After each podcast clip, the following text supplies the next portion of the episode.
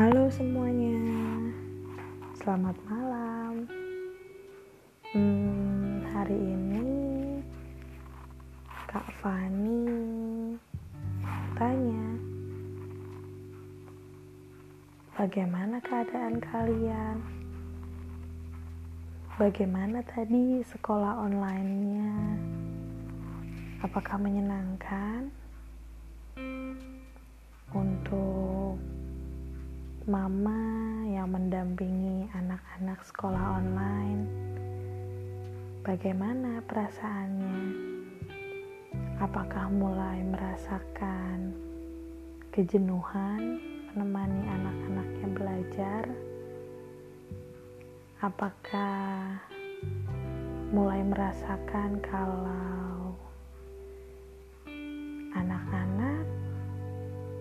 menjadi sangat sulit diatur saat berada di rumah. 24 jam sehari bersama-sama dengan anak-anak. Tidak ada waktu me time. terus saja berjibaku dengan semua kegiatan anak-anak. Untuk anak-anak yang masih duduk di taman kanak-kanak, banyak tugas yang harus didampingi oleh mama atau papa. Untuk anak-anak yang duduk di kelas SD 1 sampai 3 itu pun masih perlu pendampingan dari mama dan papa. Hmm, tapi bukan berarti anak-anak yang sudah lebih besar mereka tidak butuh didampingi. Saat ini, saat masa pandemi ini, saat seharusnya anak-anak mempunyai waktu untuk bisa membangun sosialisasinya dengan teman-temannya di sekolah. Saat ini mereka menjadi tergantung dengan yang namanya teknologi. Seberapa banyak orang tua yang melarang anaknya untuk sering memegang yang namanya gadget atau gawai. Seberapa sering orang tua memarahi anaknya yang terlalu lama diam di depan laptop untuk bermain atau hanya sekedar menonton video dari laptop. Tapi karena masa pandemi COVID-19 ini mengharuskan kita sebagai orang tua mendukung anak-anak kita yang sedang bersekolah online. Memfasilitasi mereka dengan segala perangkat canggih yang bisa membantu mereka untuk tetap belajar walaupun saat di rumah. apa yang kita katakan kepada anak-anak kita saat ini. Ayo, perhatikan gurumu sedang berbicara. Fokus, Nak. Lihat ke laptopmu. Ayo, Nak, kerjakan tugasnya kita harus segera mengirimkan video dan foto ke gurumu.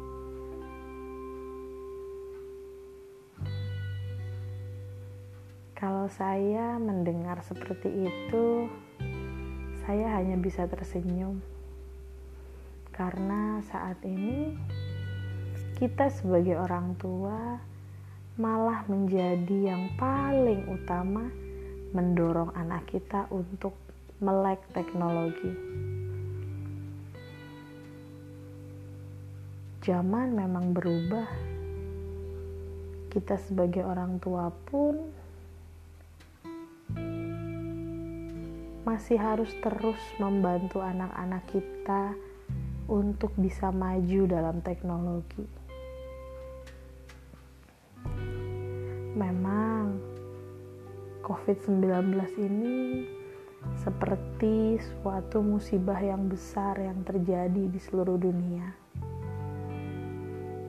Tapi kita sebagai orang tua tidak bisa hanya menyalahkan situasi yang terjadi.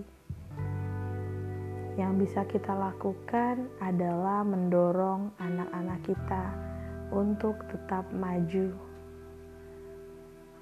terus bangun komunikasi yang baik saat kita bersama dengan anak-anak kita. Tidak hanya yang usianya taman kanak-kanak, tapi membangun komunikasi yang baik itu harus terus dilakukan kepada anak-anak kita yang saat ini mungkin sudah menjadi mahasiswa.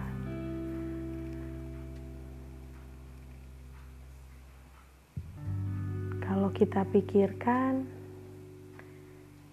pernah tidak kita berpikir bagaimana mereka menjalani sekolah, namun tidak dalam gedung sekolahan. Harus memperhatikan gurunya yang sedang bercerita ataupun mengajar di dalam laptop. Itu adalah penyesuaian yang baru bagi anak-anak kita kita sebagai orang tua yang sudah lebih dahulu mengerti dan mengenal teknologi, harusnya mengajak anak-anak kita untuk bisa lebih memahami situasi yang terjadi saat ini.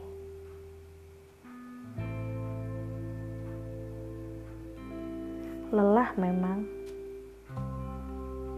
apalagi bagi para ibu yang harus bangun pagi-pagi buta, menyiapkan bekal untuk suaminya berangkat ke kantor, lalu menyiapkan sang buah hati yang akan bersekolah online. Kemudian terus merapikan rumah, menyiapkan makanan, mengurus si buah hati yang sudah menumpuk tugas-tugasnya dan tidak lupa pula tetap berdoa kepada Tuhan untuk bisa diberikan kekuatan dan kemampuan. Tidak perlu khawatir, para orang tua. Pandemi ini akan berakhir Segala sesuatu pasti ada masanya. Segala sesuatu pasti ada waktunya. Tidak ada yang abadi di dunia ini. Begitu pula dengan pandemi ini. Yang bisa kita lakukan adalah menjaga keluarga kita, terus memeluk mereka dengan kasih, bangun komunikasi yang baik antara keluarga satu sama lain,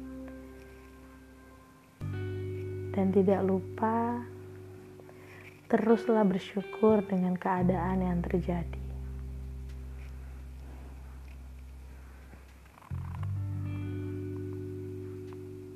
Cerita saya malam ini saya khususkan kepada para orang tua yang di luar sana mungkin sudah dalam keadaan pusing, sudah dalam keadaan kesal, sudah dalam keadaan membenci sekali situasi yang sedang terjadi saat ini.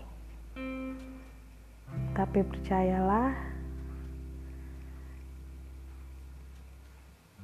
kalau Tuhan tidak tidur, berdoalah saat kita merasa beban kita terlalu berat. Karena kita ibu dan istri adalah menjadi terang bagi suami dan anak-anak kita. Mereka akan tersenyum saat melihat sang ibu tersenyum bahagia. Selamat malam untuk para orang tua di sana terkhususnya para ibu yang yang sudah mengorbankan banyak sekali waktunya bagi para bagi keluarganya dan juga kepada para ayah yang mungkin harus menerobos naik kereta api bermacet-macetan di jalan atau mungkin kepada anak-anak yang saat ini sedang berjuang terus walaupun hanya sekolah online. Selamat malam semuanya. Selamat tidur. Biarlah mimpi indah kita membawa kita lebih baik lagi untuk kita bisa memulai hari kita di esok hari. Sampai jumpa semuanya.